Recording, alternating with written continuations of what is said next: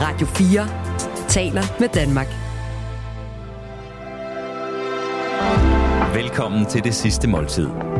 Din vært er Lærke Kløvedal. TV-vært Anna Lind. Velkommen til dit sidste måltid. Tak. Og nu skal jeg simpelthen starte med at spørge dig, at, altså er tv-vært dækkende, eller skal jeg også kalde dig influencer?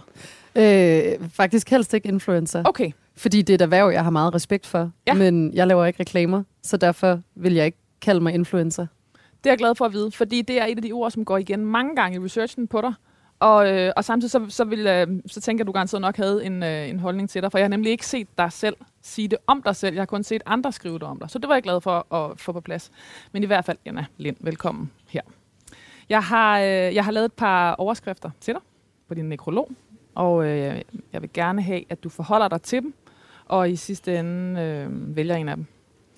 Og den første, den lyder sådan her, det er et øh, citat. Den hedder, Min stærkeste force er mig. TV-vært Anna Lind var vært i sit eget liv. Hvad synes du om den? Den er god. Har jeg sagt force?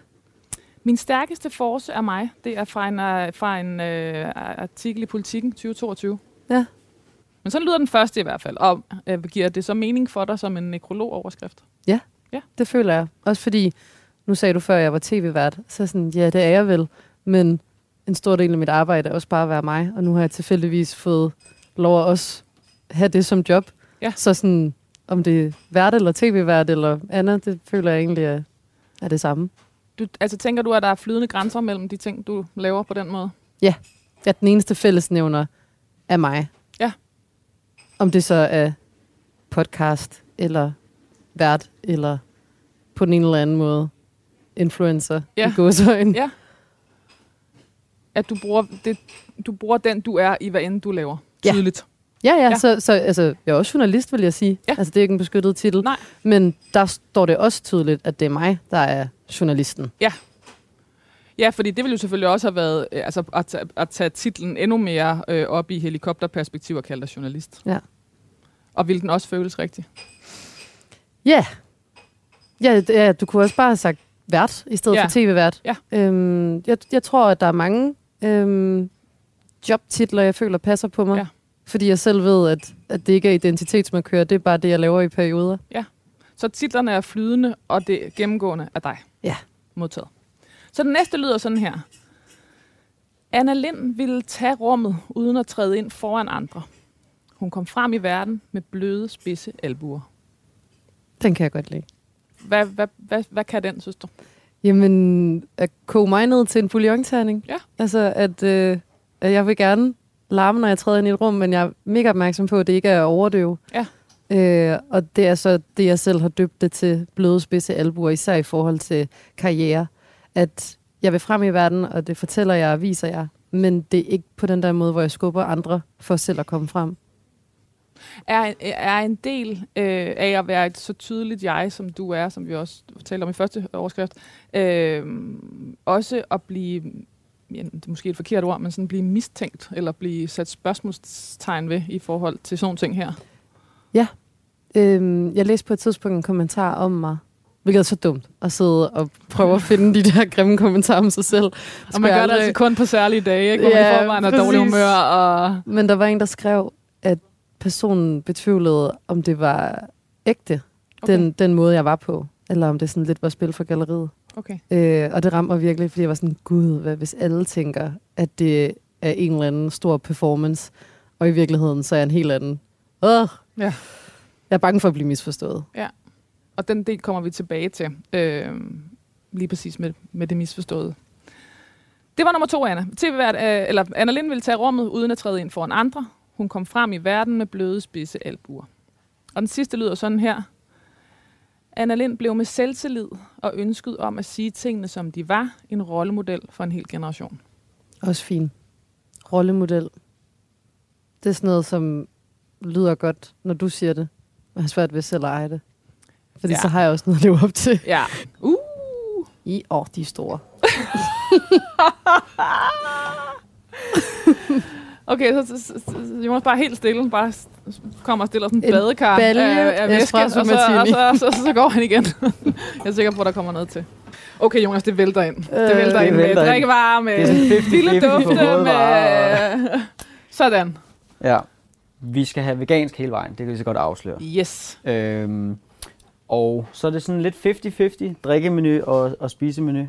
Er det, er jeg vil også sige, det er en af dem, hvor drikkemenuen faktisk næsten har fyldt. Måske ikke mere, men i hvert fald lige så meget som, øh, som madmenuen. Jamen, jeg blev tørstig, da jeg sad og fik lov at bestille. Ja, ja, og det, det er jo også fint. Det, det, det er en god perfekt. stemning. Ja. Hvad hedder det? Så hvis jeg bare lige kort skal fortælle, hvad I får. Jamen, øh, vi skal starte med espresso martini. Og så ved siden af her, lige sådan en lille sidevogn, og den, den kommer sådan løbende igennem, igennem hele, hele menuen. Så har vi lige sådan en vodka mate ved siden af. Og forklar Ja. lige, hvad det er, Jonas. Øh, det er en te, som Ja. ja. har et ret højt øh, koffeinindhold. Men det er det Øhm, mærke, der hedder Mate Mate. Mate mate, Ja. ja. og det skulle det være. Ja, det er også den der er også den klubmate fra Berlin. Men Ja. den smager bare helt jeg anderledes. synes, Jeg, jeg, kan jeg bedst de lide den de der. her, faktisk. Og den blander du med vodka. Vodka. Vodka, den klodsede bjørn. Jeg synes, det er en god vodka. Øh, Er det lige for, at det er en lidt for god vodka at putte ned i noget andet? Men, ja, det er jo kun to ting, der bliver mixet, så må det godt Jo, være jo, okay. men på, den, Så ja, årets, på livets sidste dag. Præcis. Og, øh, og så til, til maddelen. Øh, som, som du skrev, jamen, nogle svampe fra Funga Farm, hvor du er sådan ret inspireret af, og jeg ved ikke, om det er noget, du selv er vant til at få, eller hvordan. Vi har haft det med i et afsnit før, for lang tid siden, ja. øh, som der var rigtig, rigtig stor respons på. Nok det afsnit med mest, kunne jeg forestille mig. Ja, Hvem var det, der bestilte det? det var Anders Morgenthaler. Nå, det afsnit har jeg ikke hørt. Nej. Sjovt. Ham kan jeg rigtig godt jeg, lide, jeg, så det er meget helt- stolt Jeg var helt sikker på, at det... Nå, men Nå, det er faktisk så havde du fordi, hørt det jeg, afsnit, og så... jeg selv har været ude og besøge dem, mm. Og øh, også nogle gange, da de lå i Nordvest lige ved Mm. siden af, hvor jeg boede, kørte ja. Ja. ned og hentede øh, overskudssvampe, eller hvad Ja, man kan ja, kalde ja. det. Men nu ligger de ude i Brøndby, og jeg overgår ikke at cykle hele vejen Nej. derud. Nej. Turen er for lang. Så jeg vidste, jeg kunne bestille det her. Det her, det er, øh, det hedder blå østershatte. Så får man dem i sådan nogle kæmpe store sådan, buketter, og så er jeg så bare plukket dem lidt ud. Øh, jeg har vendt min miso, og så er de sådan karamelliseret, så der er, sådan, der er masser af sådan umami-smag. Øh, og nu kører vi jo sådan et lidt, et, et lidt brun tema, så jeg tænkte, jeg holder den ren. Og du sagde, det må godt være en smuk ret. Og der tænker jeg så lidt, jeg ved ikke, om vi er på samme side i forhold til, hvad der er en smuk ret. Øh, men nu gik du lidt op i, at det var de svampe, og så tænkte jeg, så skal de stå rimelig meget sådan for sig selv. Så jeg har lavet det enkelt. Jeg synes, den er super smuk. Det er godt. Hvad hedder det? Der er ristet brød nedenunder, og så er der sådan en, det hedder en Aro Blanco, som er sådan en, en mandel-hvidløgscreme, kan man sige, fra Spanien. Øh, normalt laver man lidt mere som sådan en suppe, men jeg har lavet den lidt tykkere, og så med fermenteret hvidløg, så der er sådan, der er masser af power. Fedt. Tusind tak, Jonas. Fedt. Velkommen. Tak. tak. Altså, der er jo så mange spørgsmål. altså, på Espresso Martinien. Ja. Hvorfor skal vi have den? Ja, da jeg fik lov at bestille alt, hvad jeg ville have, så kom jeg til at tænke på det lidt som en bytur. Og der har jeg tit været på en bytur dagen inden også. Så det er koffeinholdige drikke, Ja. jeg gerne vil Yes. have. Så espresso martini og vodka mate. Altså jeg tænkte også over, hvad er det, jeg egentlig drikker, når jeg skal til Ja. et festmåltid. Så, så er det det, jeg altid har lyst til. Øhm, så derfor, og så der er rigtig mange, der nemlig undrer sig over, at jeg godt vil starte med en espresso martini, ja. fordi de mener, at det er en dessertdrik. Yes. Så jeg føler, at man både kan starte og slutte med sådan en. Og så vodka mate, fordi det er jo bare storbyens vodka Red Bull. Ja. Eller Ja. sådan København og smart Det, det. vodka Red Bull. Og, øhm, og svampene. Jeg var ude at besøge Farm og blev helt fascineret af, af den måde, som de øh, gror deres svampe på. Og hvor smuk en organisme det er, og hvor meget den kan erstatte øh, kød, føler jeg, Ja. i rigtig mange retter. Øhm, så ja, jeg elsker svampe, og så, jeg tror ikke, jeg har en forret, der er go-to, så jeg vil bare gerne se, hvad Jonas kunne finde på, hvis jeg bare sagde én ting. Ja. Og det synes jeg, jeg ser lovende ud. Og det er godt. Nu vil jeg Men det er, altså, det er også sindssygt med, øh, altså hvis man er vokset op med sådan en relativt almindelig køledisk, s- øhm, altså sådan en supermarkeds køledisk, altså det, at når det så går op for en, hvad svampe også er, Mm. Er også i øh, struktur og, og i, altså, øh, og, og også nemlig, at den har hele, altså er et så utrolig godt alternativ til kødet, i, øh, både med proteinen og med strukturen, ikke? Ja. Jeg synes, det er sindssygt lækkert. Mm. Og jeg synes, det er sindssygt lækkert at brødet der med, så der, som der også kommer en, et crunch. Ja, At der også er noget struktur og det er rigtig dejligt salt. Ja. Det kan jeg også godt lide. og i comfort fooden. Ja, comfort, ja. Okay, Anna, vi har startet med tre overskrifter. Min stærkeste force er mig. Anna Lind var vært i sit eget liv. Det er den første. Den næste. Vært Anna Lind ville tage rummet uden at træde ind foran andre. Hun kom frem i verden med bløde, spidse albuer. Og den sidste. Anna Lind blev med selvtillid og ønsket om at sige tingene, som de var, en rollemodel for en hel generation. Jeg kan rigtig godt lide dem alle sammen, men jeg tror, jeg godt kan lide nummer to, fordi jeg selv har fundet på udtrykket bløde spidse albuer. Ja. Og det er ret nemt at aflæse, og jeg Ja. ja. føler, det siger meget om mig. Ja. Nummer to. Den tager vi. Men de er gode. Tak. Så starter jeg sådan her. Anna Lind Lundsgaard blev født i 1996 i Odense. Allerede som barn var hun til fuld fart frem. Anna Lind vinkede baglæns, når hun blev afleveret. Hun løb afsted og vinkede farvel over skulderen. Alt var fremad, målrettet og uden frygt. Ja.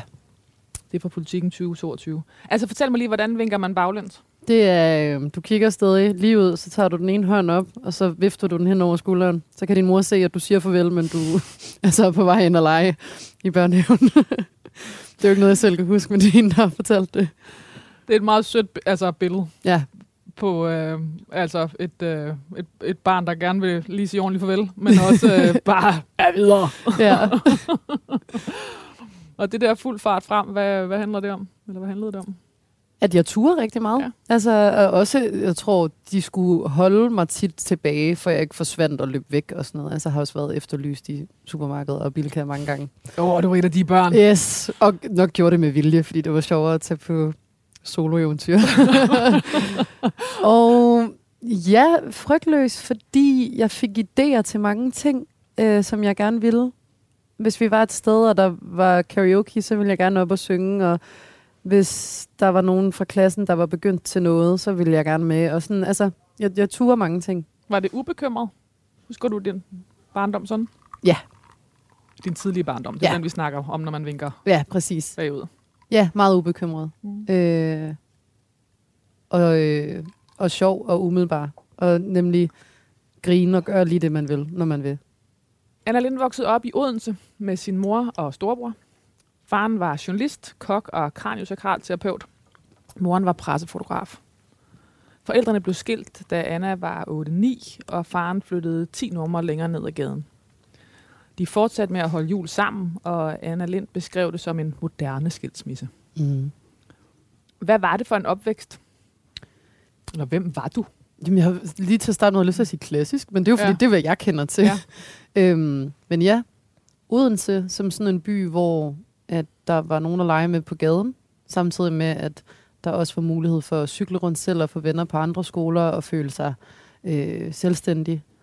Øhm, I forhold til København, vil jeg sige, og i forhold til så langt ude, at i provinsen, at man skulle have en bus for at være social. Mm. Så sådan et, øh, et meget socialt ungdomsliv.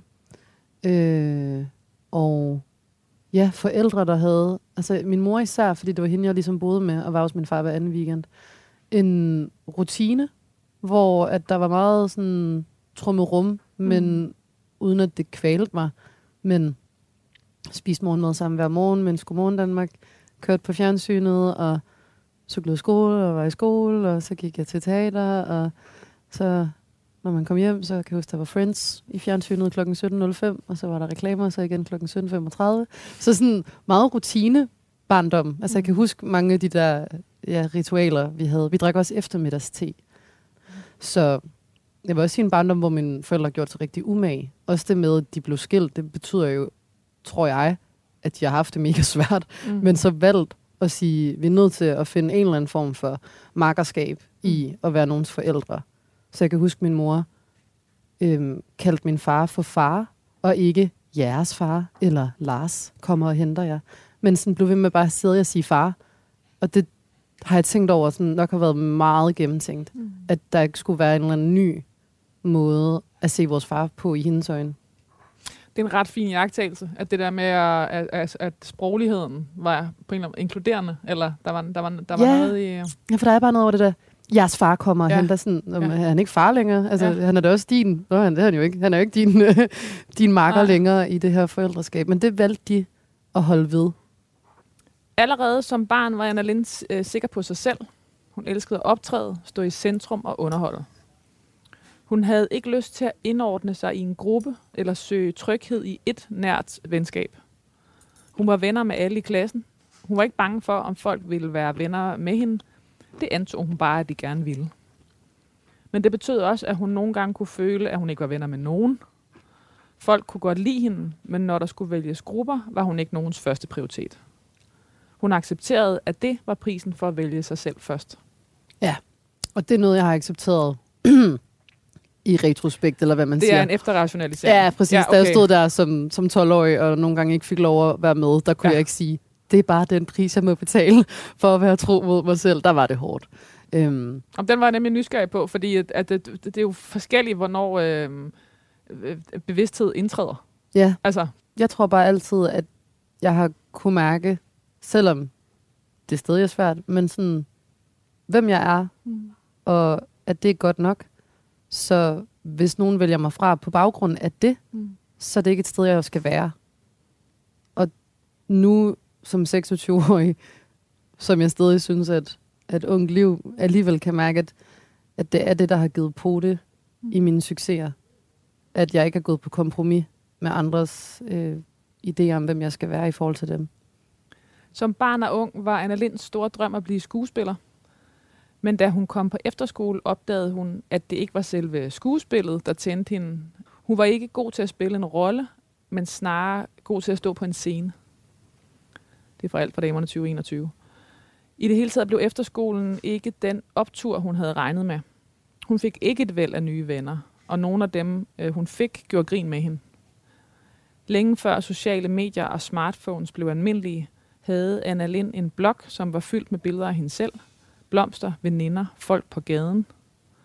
Hun lejede influencer, og det er nogle ord, politikken 22 putter på dig, også før hun havde følger. Hvad gjorde efterskolen øh, ved dig? Øh, det var et nederlag, fordi jeg fik at vide, at det skulle være det fedeste år i mit liv, og så var det bare det værste år i mit liv.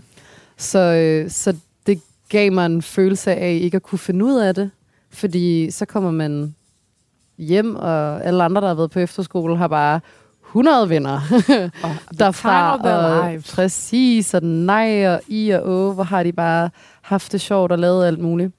Det var bare et dårligt år, og det er også bare hårdt at være 15 år gammel. Øhm, og vi var været 120 på min efterskole, og i dag har jeg et par venner for livet. Øh, og jeg skal til bryllup hos min efterskoleroomie her i september. Så på den lange bane, så, så har jeg jo vundet. Det har jo ikke været et dårligt år, fordi så kan det godt være, at jeg ikke har 120 venner, men jeg har to for livet. Jeg tror, jeg havde lidt for travlt med at få det til at blive det fedeste år. Og altså, hvis du prøver at planlægge øh, succeser, så, så vil de næsten altid blive til fiaskoer. Ja, det er din oplevelse i det hele taget. Ja. Ja.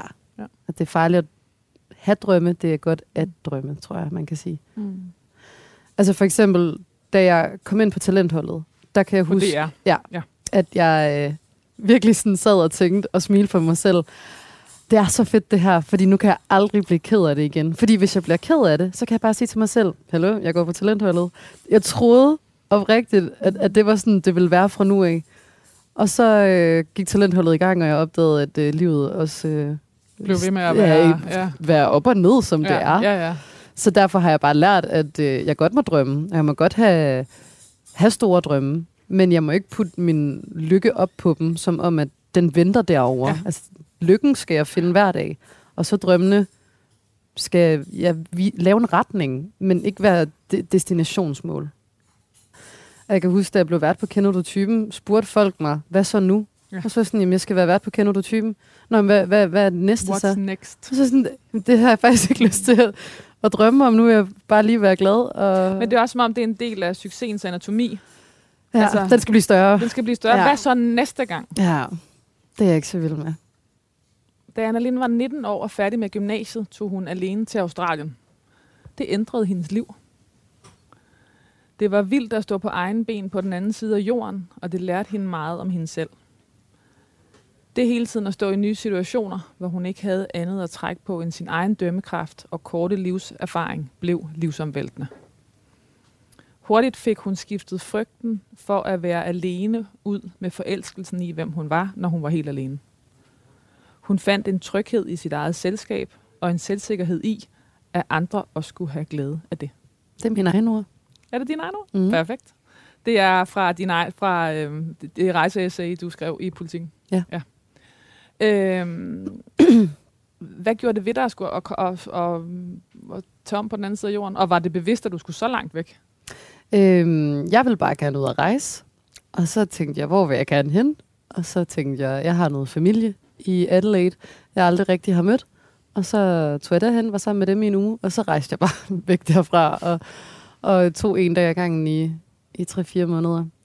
Øhm, og det, det gjorde ved mig, var, at jeg mødte mig selv for første gang i mødet med fremmede, fordi at indtil da havde jeg været i Danmark, og jeg havde været sammen med folk, der kendte mig på den ene eller anden måde. Så den der følelse af lige pludselig at se, hvilke ord og hvilke værdier og personlighedstræk, der kom ud af mig, når der ikke var et miljø omkring mig, som var med til at ja, bestemme, hvem jeg var. Det var ret interessant.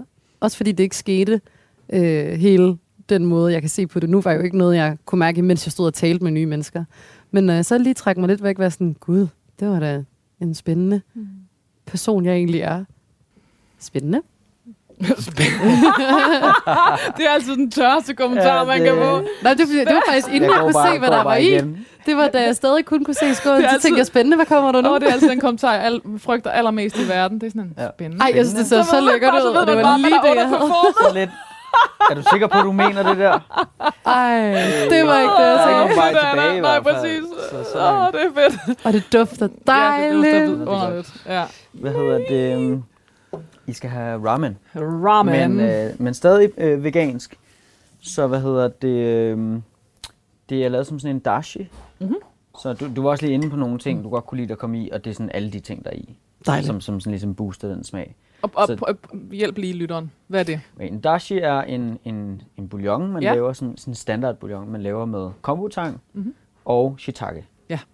Det er simpelthen sådan grundbasen, og så er der så forskellige grøntsager. Der er masser af ingefær og lidt hvidløg og sådan forskellige ting og sager, der ligesom giver noget smag. Og så står det egentlig lang tid ligesom og, og trækker en masse smag.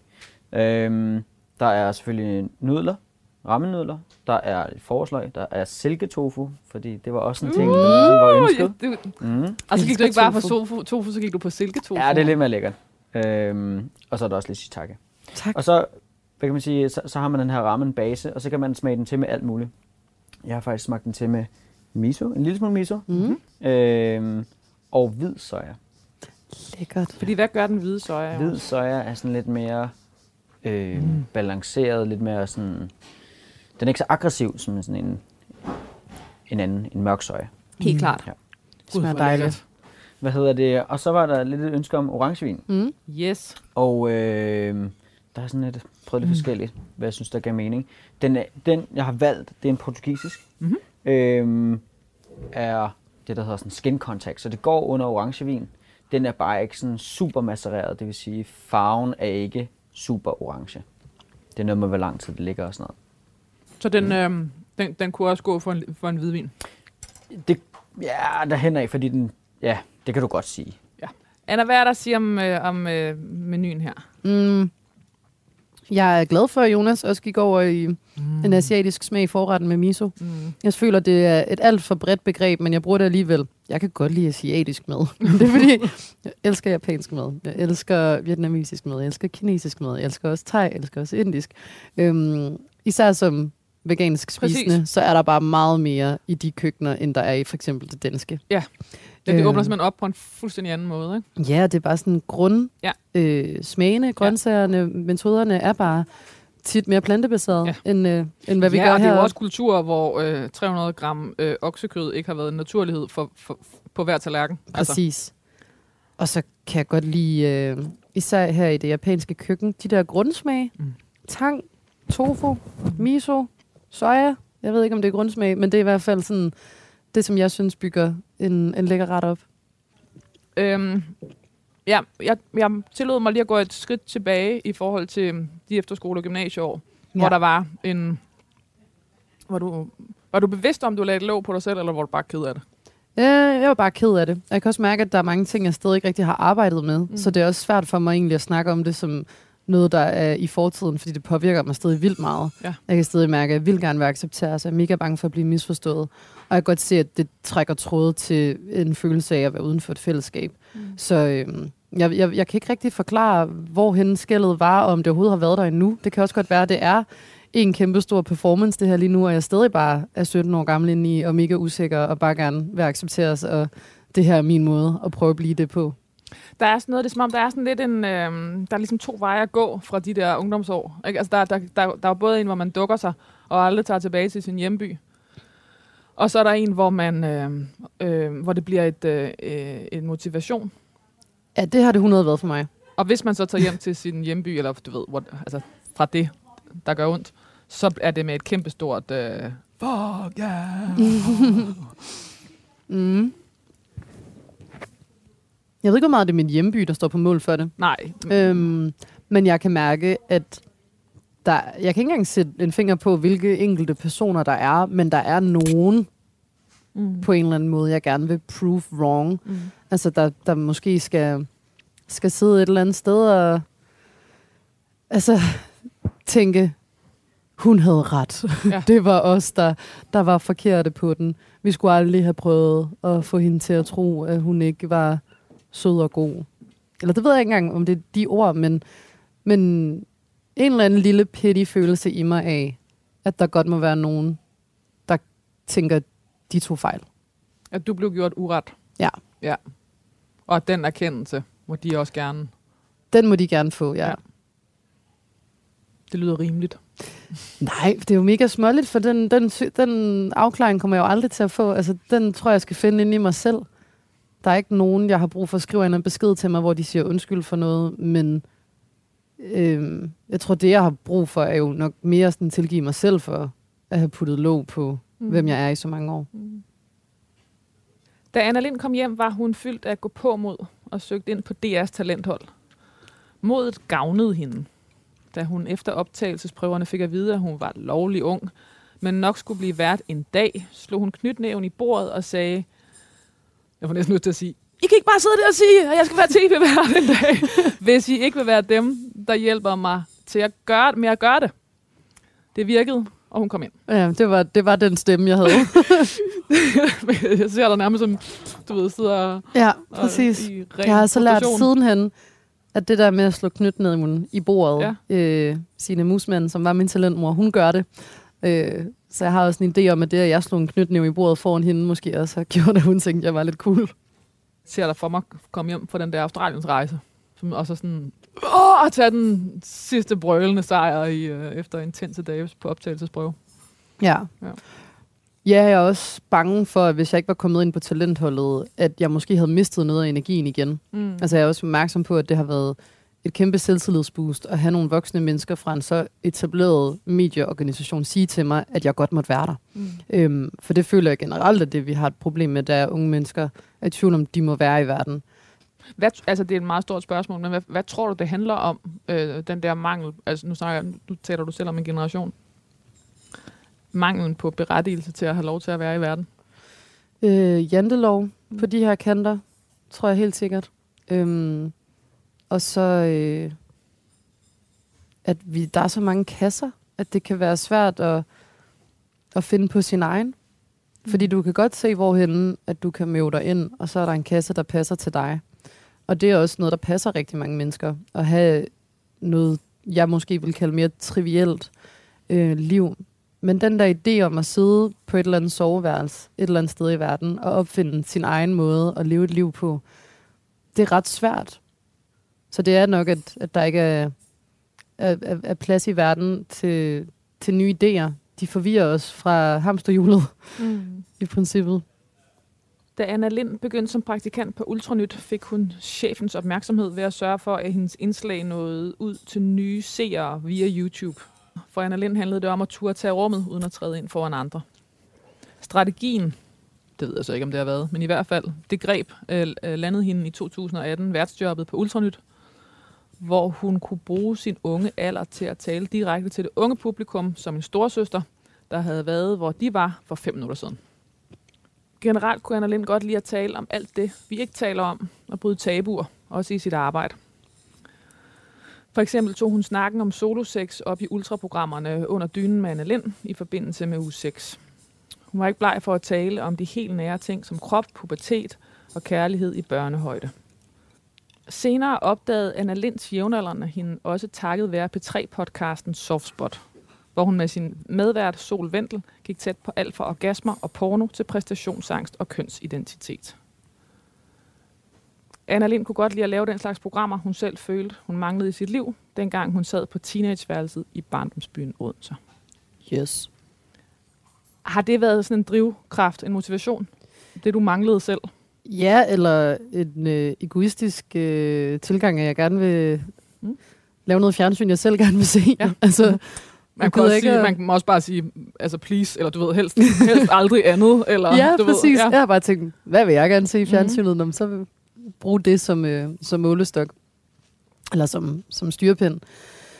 Og så især, ja, øh, hold da op, hvor prøvede jeg at google mig frem til meget, og fik nul svar. eller, eller virkelig fucked up svar. Ja, Fordi, præcis. Altså, og det er nemlig det. Altså, jeg er jo fra en internetgeneration, så vi kunne google ting. Men hvis jeg googlede noget, der handlede om krop, køn eller sex, så blev det altid en pornoficering eller fetichering af det.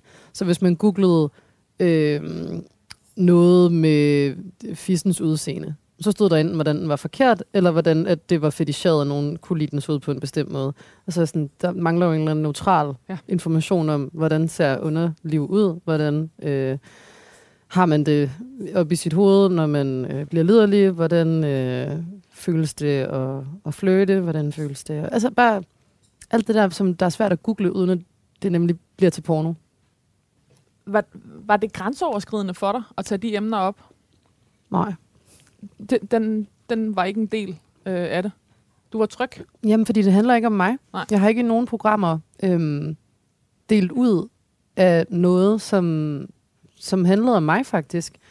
Og så har jeg altid tænkt over at holde det personligt, ikke privat.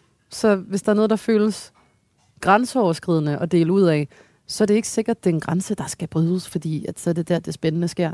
Jeg er også nødt til at passe på mig selv og mine informationer, som jeg måske engang jeg selv har tænkt færdig. Og vil du ikke prøve at fortælle mig, hvordan du har kunne mærke det? Fordi du startede, eddermame startede tidligt i et meget etableret øh, mediehus. Mm. Da jeg lavede under dynen med Anna Lind, der var præmissen og min idé jo bare at lave seksualundervisning, øh, som man kan se for evigt, fordi at nu tager vi bare en gang for alle, dækker nogle emner, som måske kunne være dejlige at høre om øh, i uge 6, som mm-hmm. jo Mhm. er den uge, hvor at, øh, der er seksualundervisning. For, ja, seksualundervisning. Ja. Eller de burde få. Mm-hmm. Der er så Mhm. mange, der ikke gør det. Så øh, der følte jeg jo egentlig ikke, at det på nogen måder handlede om mig, fordi jeg sad jo bare og fortalte, hvad er det her? Hvad er onani? Sådan her fungerer en penis. Sådan her fungerer en vagina. Det her, det er penetrationssex. Det her, det er telefonsex. Det her, det... Altså, så, øhm, så der følte jeg slet ikke, at, at det i princippet var et program, der handlede om noget, der kunne være grænseoverskridende eller, eller følsomt, fordi det var så meget information. Ja. Øh, Der var som, også noget fakta. Præcis. Ja. Ja. Jeg kunne lige så godt have snakket om, øh, om tektoniske plader. Mm. Altså, Det er som om, at du har et øh, tydeligt og stærkt øh, sådan barometer på, hvem du er og hvad du kan. ja, det tror jeg også, jeg har. Øhm, men det betyder ikke, at jeg ikke er mega i tvivl. Men de få gange, jeg så kan se det skarpt, hvad det barometer siger, så handler jeg på det. Hvad gør du for at holde det skarpt? Jeg bruger tid med mig selv. Jeg kan rigtig godt lide mit eget selskab, fordi det også er på mange måder øh, lidt meditativt eller terapeutisk og ikke skulle være alt muligt for andre. Så føler jeg, at jeg får fordøjet nogle tanker. Jeg kan godt mærke, at jeg nogle gange kommer ind i perioder, hvor det første, jeg har lyst til, når jeg vågner om morgenen, er at kigge på TikTok. Så lige så snart jeg går i bad, så skal der sættes en podcast på. Altså sådan, kan virkelig mærke, at jeg har brug for at, at slukke for tankerne og overstimulere. Øhm, og når jeg så opdager det, så prøver jeg at sige, at jeg lige heller må, må lytte lidt på, hvad det er, jeg er så bange for, øh, mine, mine tanker fortæller mig. Og grunden til, at jeg spørger, det er jo også fordi, det er, altså, øh, alle, der ligesom har arbejdet øh, med tv eller i, med medier det hele taget, altså, det er, jo et, det er jo et hæftigt game, og der er også et højt øh, energiniveau, der er også et højt øh, produktionsniveau. Altså, øh, der, der er meget, hvor man... Og, og så er det også et... et øh, det er en branche, hvor rigtig mange har gjort det i lang tid, så der er også et, sådan plejer vi at gøre, som man nemt kan leve med. Ja. Øhm, jeg er stadig rigtig meget i gang med at finde mit ståsted i branchen i forhold til øh, finde ud af, om, om det er noget, jeg kan gøre øh, hver dag hele året, mm. eller om det er noget, jeg skal gøre i perioder, fordi det er hektisk, og der er mange forventninger. Og jeg kan også mærke, at, øh, at det trigger meget af sådan perfekthedskulturen i mig at have et job, hvor der er så mange forventninger til mig, at jeg kan ikke fuck op, og jeg kan ikke øh, være ung og kajtet på den der cute måde, fordi der er bare nogle forventninger til, at jeg er forberedt, og jeg er dygtig, fordi det bliver jeg betalt for at være. Mm. Øhm, så jeg tænker også over, om, om jeg skal have nogle pauser i løbet af året, hvor jeg ikke laver noget, der lugter af mediebranchen, for at kunne lade op og måske fuck mere op.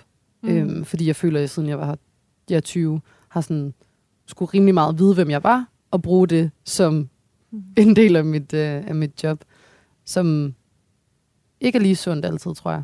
Er du bange for at træde forkert i den medievirkelighed, du også er en kæmpe del af? Både, øh, både i, i et elgammelt mediehus, men også øh, på sociale medier?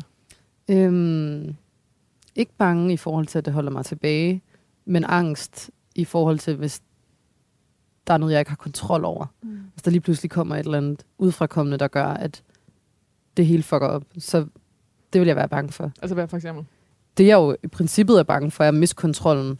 Øhm, jeg kan også mærke, at at i perioder, hvor jeg er meget stresset, der får jeg meget sygdomsangst, som jeg godt kan se et symbol på, at det vil være noget udfrakommende, som jeg ikke kan styre, ja. der vil ødelægge noget for mig, øhm, som er meget spændende at arbejde med, fordi at, øh, det er jo også et symbol på, at den kontrol ikke gavner mig. At jeg skal være bedre til også både lære at blive misforstået, lære at tænke galt, lære at hver eneste udtalelse eller hver eneste øh, udførelse af et job ikke er symbol på alt, hvad jeg er. Ja, ja, og det, og, og, og det faktum, at det er et livsvilkår at fuck op, altså, du ved, og det er et livsvilkår at miste kontrollen. Ja, det er jo så det, jeg skal forstå, det er. Mm. Fordi For den har du ikke købt endnu. Nej. det var, så længe jeg har kontrol, så, så er der styr på tingene, Ja. Anna Lind brugte sig selv i alt, hvad hun lavede. Især på sociale medier, hvor hun brød tabuer igen og igen. For eksempel i en story fra sin læges badeværelse, hvor hun iført gul imiteret pels, holdt en øh, klamydia-test mellem sine lakerede negle, og lignede på ingen måde en, der skammedes over at blive testet. Det er på Eurowoman øh, 2023. Jeg synes ikke, det er pinligt at blive testet. Jeg synes ikke, det er pinligt, hvis man har klamydia. Jeg synes ikke, det er forkert, hvis man boller med mange, eller hvis man ikke boller. Det er all good. Jeg nogle gange poster, jeg sidder og tænker mig om. Det er også nej, det der med, det, det virker. Det er en af interview, hvor man i 2023. ja, ja. Men sådan, at der er virkelig tit, hvor jeg også kan se, at det, at jeg poster noget på et socialt medie, tænker nogen af et brand, der poster. Altså, det, mm. det er et medie, og det er bare mig. Ja. Der er sådan, kigger i min kamerarulle, og så er jeg sådan, Nå, det er da egentlig et meget sjovt billede. Jeg havde egentlig taget det, tror jeg, fordi der var noget, der matchede. Jo, jo, testen havde et orange klistermærke, og mit halsterklæde havde også noget orange. Så jeg tror faktisk, at jeg overhovedet tænkte over at tage et billede, fordi jeg var sådan æstetisk. Det, det er egentlig meget fedt, det her. Fuldstændig. Og så poster jeg det, og glemmer, at, at jeg jo også taler på vegne af whatever brand, jeg har bygget op. Mm. Øh, så det virker som sådan en aktivistisk handel, handling, og måske noget, jeg har gennemtænkt, og noget, der er en del af en strategi om at huske at være sådan en, der siger sådan nogle ting. Men det var bare noget, jeg lige havde lyst til at poste, så det er jo sjovt, at det måske ender min, I min nekrolog. Ja. der er i hvert fald noget i, at der også er et, øh, at det pludselig også er et, der også er et ansvar i at være den, du er. Øh, tænker jeg. Ja. Tilbage Ja. til rollemodellen, eller forbilledet, eller hvad? Jo, og det må der godt være, men jeg vil også sige, at det skal være min øh, umiddelbare måde at tilgå det ansvar, der bliver styrende, og ikke en overordnet tanke konstant. Øh, jeg skal huske, at der er nogen, der følger med. Jeg skal huske, altså, der vil jeg gerne stole på, at bare det, at jeg er øh, et, øh, et opmærksomt menneske, der, der gerne vil min nærmeste og andre folk det bedste, nok skal ende med at rumme det. Øhm, så jeg vil helst ikke have det som en igen måde at åh, vågne på om morgenen. I dag skal jeg huske at tage et ansvar for den måde, jeg er i verden på. Godmorgen.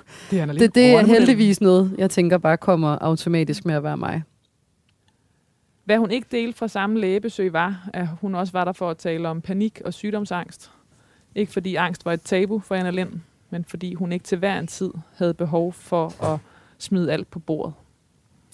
Anna Lind havde lært, at hun skulle passe på sig selv. At være en personlig vært betød netop, at der må være en grænse for, hvad der var privat og hvad der skulle deles. Ja, Og helst ikke for meget strategi over, hvor, hvornår, hvad skal deles, men mere, det er ikke, øhm, hvad kan man kalde det, noget jeg skal gøre, Mm. at dele ud af alt. Mm. At bare fordi, at øh, jeg oplever noget, som er noget andre kunne finde, få noget ud af at høre noget om, så det er ikke mit ansvar at Nej. dele ud af det. Nej. Det er også igen bare mavefornemmelsen, der fortæller mig, hvad jeg har lyst til at dele ud af. At Fortryder du det aldrig?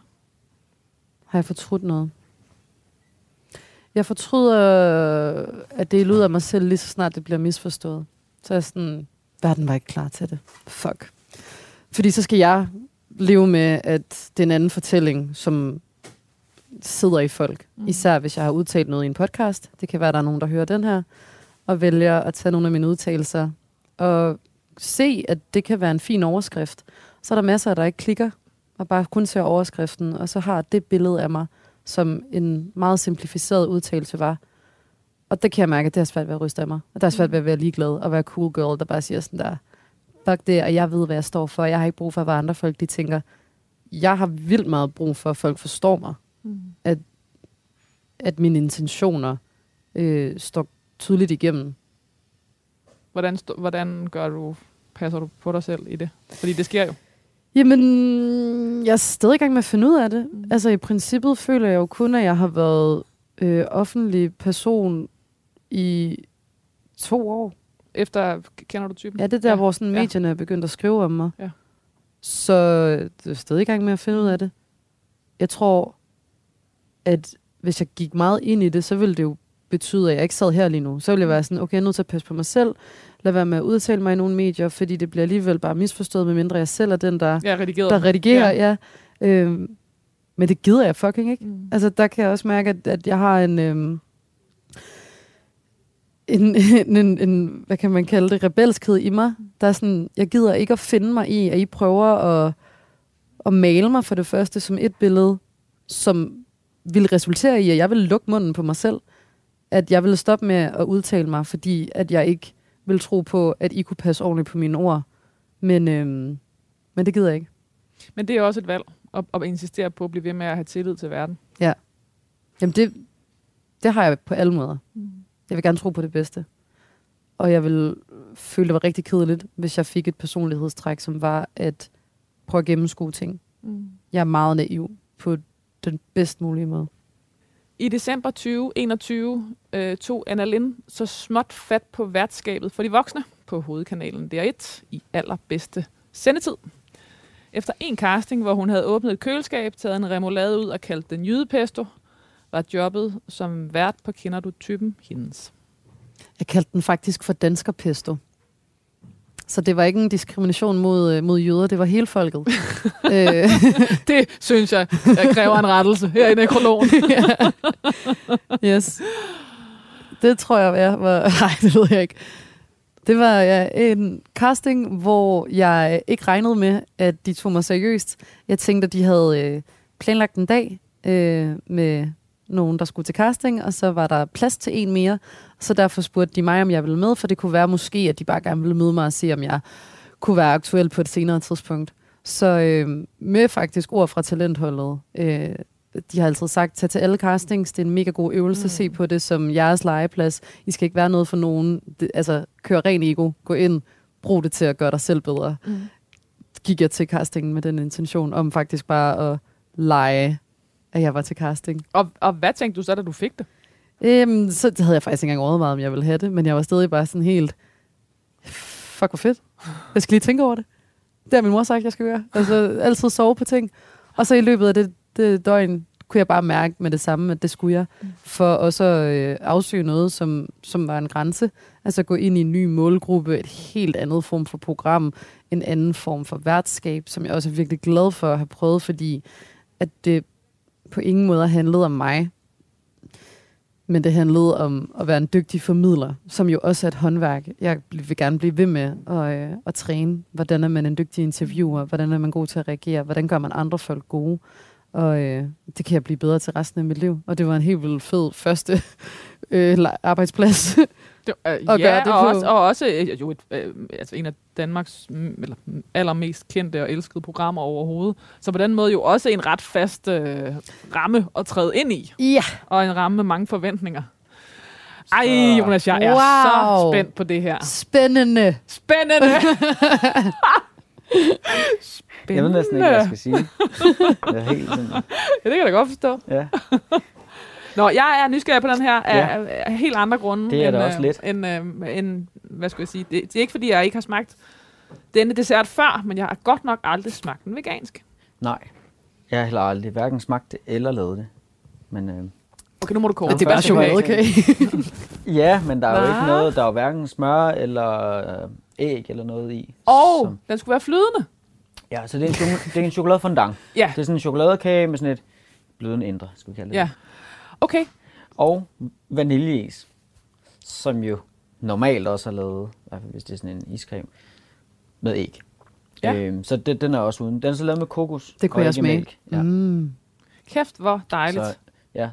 Hvad hedder det? Og så skulle vi jo starte med espresso martini og slut, men nu står der jo lidt af en Ja. ja. fløjte af...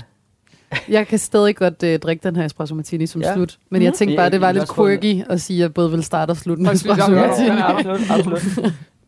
Ja. Velkommen. Hvorfor skal vi have den her dessert, Anna?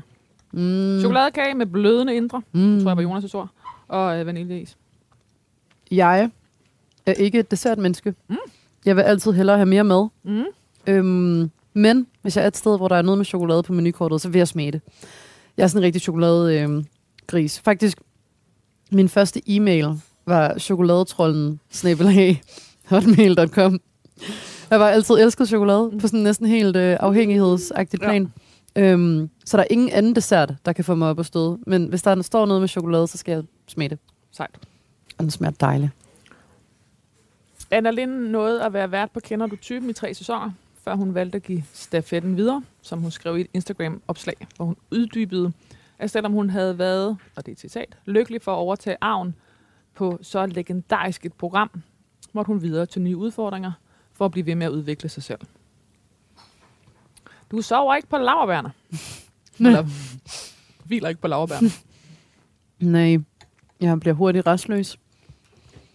Jeg kan godt lide øhm, at udfordre mig selv. Det var en udfordring at blive vært på Kender du typen, men det var også en rigtig udfordring at stoppe samtidig med Flemming. Fordi Velrup. det, jeg tror egentlig ikke, jeg tænker så meget over tingene i princippet. Men der var bare mavefornemmelsen, Ja. der sagde, det var det, jeg skulle. Så reagerede jeg på det. En sund, godt feeling. En af disse udfordringer var klimaprogrammet Den Grønne Optur, hvor hun sammen med Tøger Kirk ja- jagtede grønne løsninger på verdens klimaproblemer. Et program, der ville vende nedtur til optur. Og det er deres egen beskrivelse. Ja. Og hvor Anna- Anna Lind glædede sig til at bruge sin klimaangst konstruktivt. Mm. Anna Lind lavede, øh, levede selv plantebaseret. Det startede som et nytårsfortsæt om at spise vegansk i en måned. Hun var 19 år gammel og skræmt af, hvad klimaforandringerne gjorde ved den verden, øh, hun var så spændt på at udforske og omfavne. Den grønne optur var med til at give Anna Lind en ro og tro på, at det ikke var hendes ansvar at redde hele verden. Men klimaforandringerne skræmte hende stadig, og derfor ønskede hun selv at være en del af løsningen. Ja. Fylder det meget? Ja, Ja. ja. det gør det. Øhm, det er en konstant frygt, jeg kan gå ind i. Tab ind og ud af den. Jeg har så lært nu, og ikke have den med mig hele tiden. Så ved at have nogle gode vaner, som for eksempel bare den mad, jeg indtager, det er sådan hver dag noget, der bekræfter mig i, at jeg har en eller anden rolle at spille i den undergang, vi står overfor. Men ideen om konstant at føle skam, den, øh, den har jeg lært at lægge fra mig. Og også bare leve livet, og også bare gøre ting. Og ikke hele tiden være perfekt, men, øh, men forvente løsninger fra, ja. øh, fra folk, der har større muskler og flere knapper at trykke på end mig. Det er virkelig ikke en ubekymret ungdom. Nej. Det er det sgu ikke. Jeg vil ønske, at jeg bare kunne være 26 og, øhm, og tage en dag ad gangen. Hvilket jeg også gør. Men mit hoved vil rigtig gerne hoppe længere frem, fordi det føler jeg er nødt til. Prøv hele tiden at regne ud. Er det bedst at gå til højre eller venstre nu? Er det bedst at gøre det eller det eller det? Også øhm, spørgsmålet om, at man gerne vil have børn. Det er meget større for mig, end om jeg bare vil være nogens mor. Mm. Kan jeg retfærdiggøre at sætte flere mennesker i den her verden, når jeg godt ved, hvor den bærer hen af? Det er vildt ubehageligt. Jeg er bare glad for, at jeg ikke har en partner, som jeg skal finde ud af det med. Mm. Men det er alligevel sådan et helt andet spørgsmål, end da min mor spurgte sig selv, om hun ville være mor. Fylder det så meget, at du nærmest har lyst til ikke at få en partner? Det er måske lidt hårdt sat op. Nej, det gør det ikke. Jeg elsker kærlighed. Jeg vil, øhm, jeg vil vildt gerne have en partner, hvis den rigtige kommer.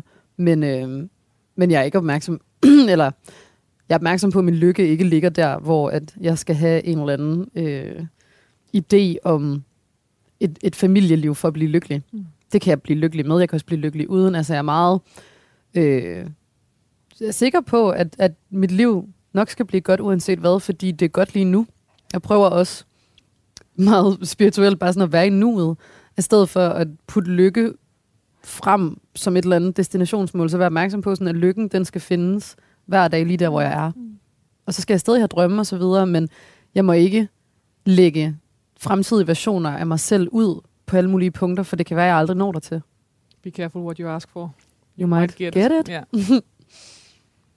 Generelt var Anna Lind ikke bange for at stå ved sig selv og sine holdninger. Det eneste, hun var bange for, var janteloven. For her kommer et uh, citat, du har givet til politikken i 2022. Det var ikke nemt at være Anna Lind. Det var et valg. Det var stadig, der var stadig en frygt i hende uh, for at blive misforstået. For at folk ville tro, at når hun sagde, se mig, at det betød, du må ikke se andre. At blive misforstået som en, der ville have mikrofonen på bekostning af andre. Men Anna Lind insisterede på ikke at undskylde for sig selv. Hun var et i øjenfaldende eksempel på et menneske, der fandt styrke i at vise sig selv frem. For Anna Lind øh, var det et valg at være selvsikker. Et aktivt valg. Alternativet ikke at kunne lide sig selv. Ikke at turde møde verden. At hade sig selv. Det var for udholdeligt. Ja. Det er kloge ord. Tak. ja, det er jeg egentlig også stolt af at have indset. At det nemlig ikke bare er den, jeg er, men, men øh, den, jeg er nødt til at være. Ellers så vil jeg dø. Jeg, jeg, jeg ved ikke, hvad det er i dig som 26-årig, der har, der har kunne tage de valg. Fordi jeg forestiller mig også, at det er et valg hver dag. Ja, det er det. Øhm, var det et spørgsmål? Det var i hvert fald ikke særlig skarpt formuleret et. Nej, men øh. det er jo nemlig det, og det er også derfor, jeg synes, det er interessant, at du også dykker ned i min barndom, for det føler jeg egentlig altid øh, journalister gør. Hvor jeg også har tænkt, hvorfor er det så interessant? Jeg sidder lige her, hvorfor skal vi snakke om, hvem jeg var, da jeg var 12? Fordi du vil ikke gøre det samme med en, der var 46, måske. Der vil man snakke om, hvem man var, når man var i 20'erne, men jeg er i 20'erne, så derfor så er det jo klart, at man kigger tilbage på, på nogle tidligere versioner, men Øhm, jeg tror, grunden til, at jeg kan vælge hver dag at være glad for den, jeg er, og tro på, at det er godt nok, det er fordi, at jeg har haft så mange succesoplevelser med det. Hvis nu det havde været utrolig hårdt at være mig, og jeg altid skulle forsvare det, så tror jeg også, jeg havde givet op. Så jeg er heldig at have fået lov til at opleve, at når jeg er mig selv, så går det mig godt. Hvis nu jeg havde haft en kønsidentitet, som nogen slog sig på, eller at på den ene eller anden måde været noget i verden, som folk ikke så inde i en ramme, de kunne acceptere, så ville det heller ikke have været lige så nemt at elske sig selv. Det er også fordi, at jeg er en meget gennemsnitlig ung kvinde, som gør, at det er nemt at sluge mig. Og så når du først har på en eller anden måde købt ind på ideen om mig, så kan det være, at der kommer nogle af de der nuancer, som, mm. øh, som nogen måske slår sig på. Men ellers så er jeg egentlig ikke så farlig. Øh, der er ikke nogen, der har svært ved at forstå mig. Mm. Jeg er ret almindelig på det punkt i forhold til den gennemsnitlige leverpostejsdansker. Selvsikkerheden vil øh, Anna Lind gerne inspirere andre til at træne. Hendes Her kommer jeg tilgang gjorde Anna Lind til et forbillede, især for mange teenager. Anna Lind insisterede altid på at være sig selv. Den tilgang til livet bragte hende langt omkring i det danske, står der tv-landskab. Lad os tage den lidt større end det. Alle de programmer, hun lavede, havde det til fælles, at Anna Lind øh, kom som den, hun var. Befriende naturlig, farvestrålende i tøjet og med en umiddelbarhed, som ikke kunne købes for penge. Det var jo i 2023. Anna Lind efterlader sig familie og venner. Æret være hendes minder. Tak. Anna Lind, hvad skal der stå på din gravsten? Jamen Lærke, det vidste jeg jo godt, du ville spørge om, fordi jeg hører jo det her program. så det har jeg overtænkt utrolig meget. Åh oh, gud, det er Ja. ja. godt. I love it. Først tænkte jeg, jeg skal ikke have en gravsten. Nej. Jeg skal ikke have et gravsted. Jeg skal øh, spredes i havet og være en del af en full circle øh, ting i forhold til planeten. Ja. Jeg kan ikke rigtig forestille mig, at, at skulle have sådan et sted, som nogen skulle komme og passe og sådan noget. Og vande. Nej, jeg synes også, det er lidt en byrde at putte på folk. Altså, jeg tror, at dem, der, dem jeg efterlader, skal beslutte, hvad der skal ske. Men mit eget ønske ville være, at, at noget med naturen blive plantet som et træ, eller blive spredt i havet et sted, hvor jeg har holdt af at være. Og hvis jeg skulle have en gravsten, så skulle der stå like og subscribe. Like and subscribe. like and subscribe. Eller også, eller også skulle der stå, fordi det var sådan en ting, jeg ikke engang tænkte over. Men da jeg var vært på Ultranyt og sluttede hver udsendelse af, så havde jeg bare sådan næsten et tik med at sige, hej hej. Så det var også lidt min ting i nogle år, så det kunne også være, at der bare skulle stå, hej hej. Helt tilbage til den naive udgave af dig selv. Hej hej. Og så vinke baglæns, Ja, mens jeg den- den ser jeg også stå og vinke bag, baglæns og sige, hej hej. like and subscribe. Hold kæft, det er sjovt.